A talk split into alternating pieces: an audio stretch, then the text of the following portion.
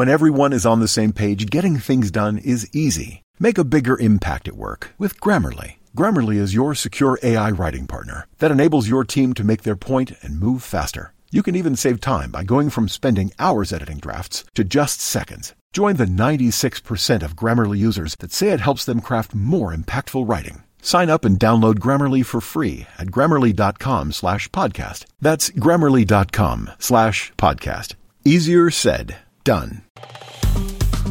אתם עם SBS בעברית. לעוד סיפורים מעניינים, כנסו ל-sbs.com.au. השחקנית, המחזאית והבימאית פנינה גרי הלכה לעולמה בתחילת חודש אוגוסט בבית החולים איכילוב בתל אביב, והיא בת 95.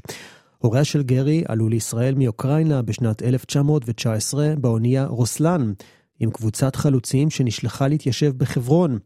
אבל כשאביה שמע על הקמת המושב העברי הראשון, הוא יצא לדרך עם עגלה לגבעת שמרון בעמק יזרעאל, מעל הביצות, שם הוקמו האוהלים הראשונים של קבוצת המייסדים של נהלל. את לימודי התיכון שלה עשתה גרי בבית הספר החקלאי בנהלל. ב-25 במרץ 1948, בפורים, הייתה אמורה להינשא לארוסה עלי בן צבי, בנם של רחל ינאית והנשיא יצחק בן צבי, אבל שבוע קודם נהרג עלי יחד עם ששת חבריו בהתקפת כנופיות ערביות בשדות קיבוץ בית קשת. בספטמבר 1948 נסעה גרי, שלימים שיחקה במרבית התיאטרות בארץ, במשלחת של מורים וגננות למחנות העקורים סביב מינכן, ועבדה בהקמת גני ילדים במחנות, הדרכת גננות והקניית השפה העברית לילדים. במינכן הכירה את בעלה, רוברט גרי, עיתונאי יהודי-אמריקני, שדיווח מגרמניה שאחרי המלחמה. הם נישאו בגרמניה בסוף 1949, ושבועיים אחר כך עברו לישראל והתגוררו בירושלים. ב-1953 עברה המשפחה לניו יורק למשך ארבע שנים. בניו יורק למדה גרי משחק בבתי הספר של הרברט ברגהוף ולי שטרסברג, והשתתפה בשיעורי אולפן השחקנים. ב-2008 כתבה וביימה מונודרמה בשם סיפור אהבה ארץ ישראלי, המבוססת על סיפור אהבתה לאלי בן צבי ואסון מותו. וב-2012 זכתה גרי בפרס ליצירה בתחום הציונות.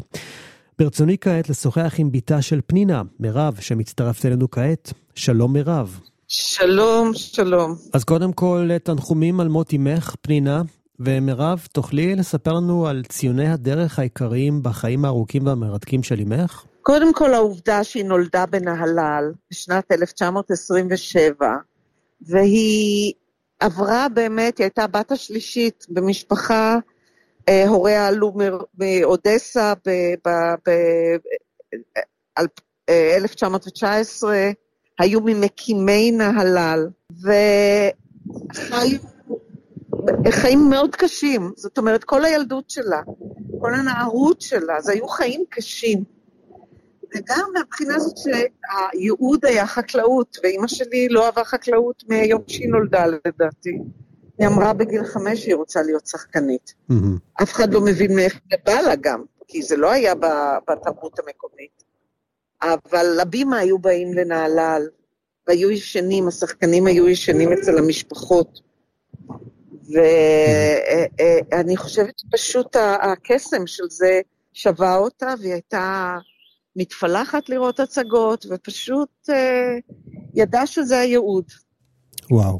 ולהיות בנהלל בשנים כאלה, גם ילדה מאוד יפה, שזה גם היה כאילו לא בסדר, כי את צריכה להיות חלוצה, את צריכה להיות אישה חזקה, צריכה... יפה זה לא ערך.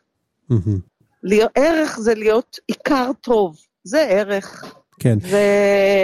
וחקלאי, חקלאי.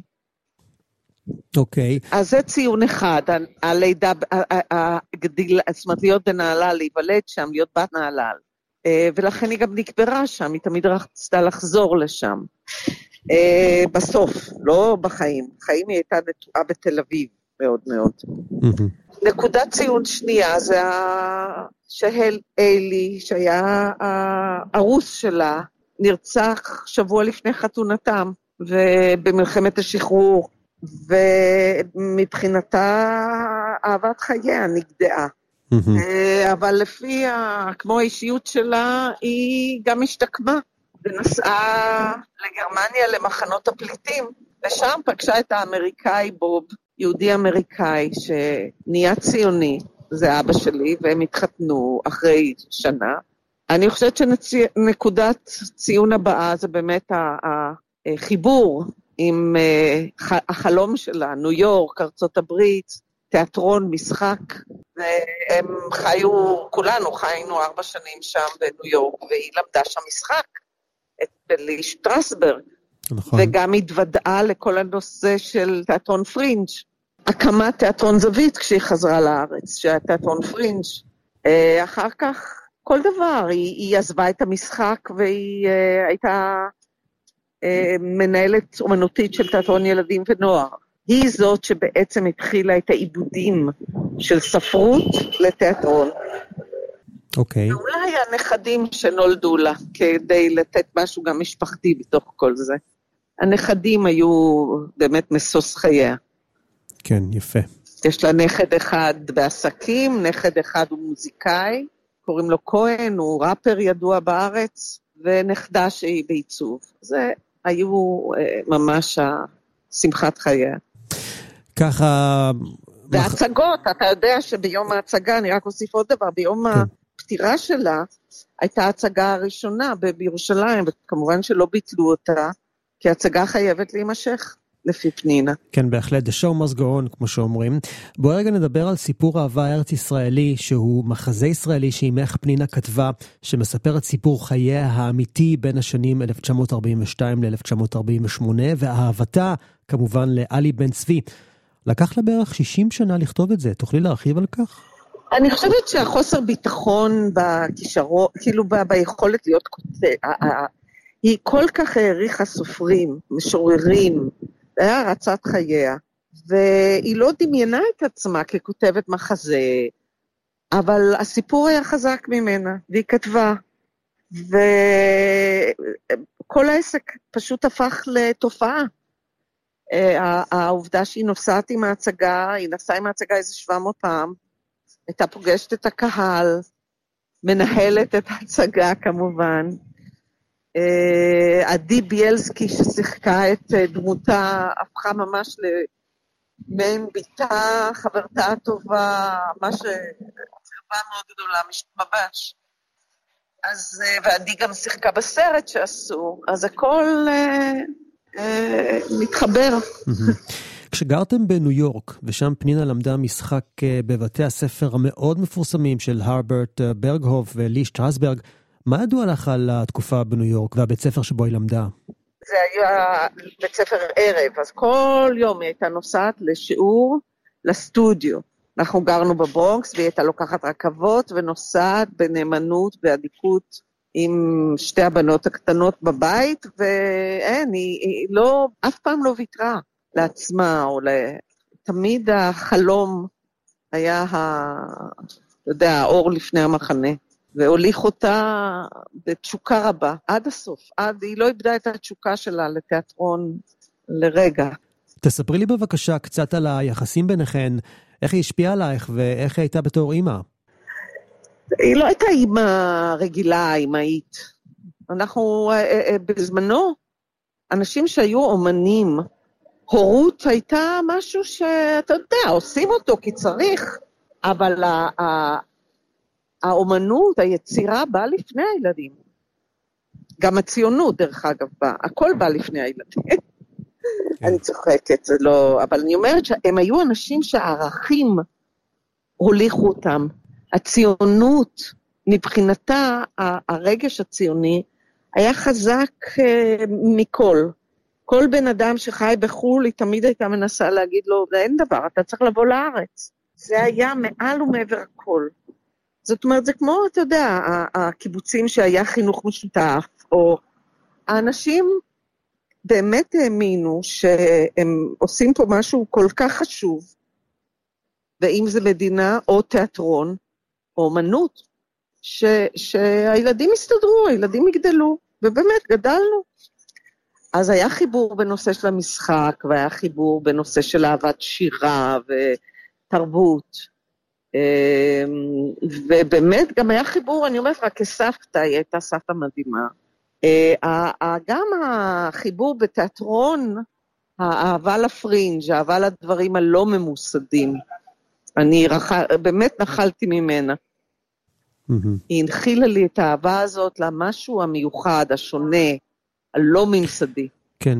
אתם סיימתם לשבת שבעה, תספרי לי קצת איך עברו הימים האחרונים, מי בא לנחם, איך ההרגשה? ההרגשה שאנשים מאוד אהבו אותה, אנשי תיאטרון צעירים היו המון, שחקנים צעירים שאמרו, היה אחד שאמר, אה, מתי סרי אמר לי, וזה היה מאוד יפה. הוא אמר, היא נתנה לך את ההרגשה תמיד שאתה הכי טוב. ידעה לפרגן, שזה לא נורא מקובל בעולם התיאטרון. Mm-hmm. לתת לך את ההרגשה שאתה, אה, שאתה יכול להיות עצמך. אתה לא צריך ל, ל, לנסות למצוא חן או לעשות דברים. היא באמת נתנה לך את התחושה הכי טובה שלך עם עצמך. זה מה שמעתי אמר. והיו, אה, כמובן, היה חנן שניר שעבד איתה ב... על המחזה, היא, היא הביאה לו את זה, המחזה של, אה, היא עשתה ממקום אחר של עמוס עוז. Mm-hmm. והיו אה, רזי אמיתי, שממש כמו בן שלה, שהקים את. אה, שניהל, לא הקים, את תיאטרון ילדים ונוער. אה, והיא הייתה יועצת אמנותית שלו הרבה שנים גם בבאר שבע. אה, חגית רחבי ניקולייבסקי, אה, כמובן ניחומים מציפי פינס, מכל התיאטראות, הקאמרי שם שם תמונה מאוד יפה שלה. קיצור, יש הרבה הערכה, היא הייתה אמנם לא ממסדית בכלל, אבל היא... והיא לא קיבלה את החיבוקים של הממסד אף פעם, וזה לא עניין אותה, היא המשיכה בדרכה. אוקיי, okay, מירב גרי, בתה של פנינה גרי, שהלכה לעולמה בתחילת חודש אוגוסט בגיל 95. תודה רבה על השיחה. בבקשה, באמת, ושהכול, שנחיה בשלום. עקבו אחרינו והפיצו אותנו דרך דף הפייסבוק שלנו.